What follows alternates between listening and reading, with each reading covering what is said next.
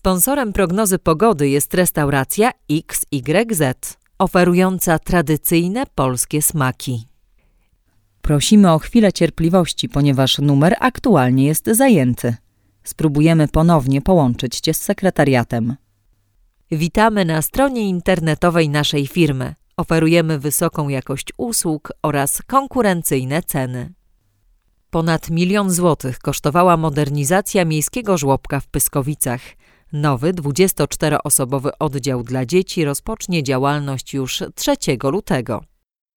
Biała droga, a po bokach dwie duże, czarne ściany lasu.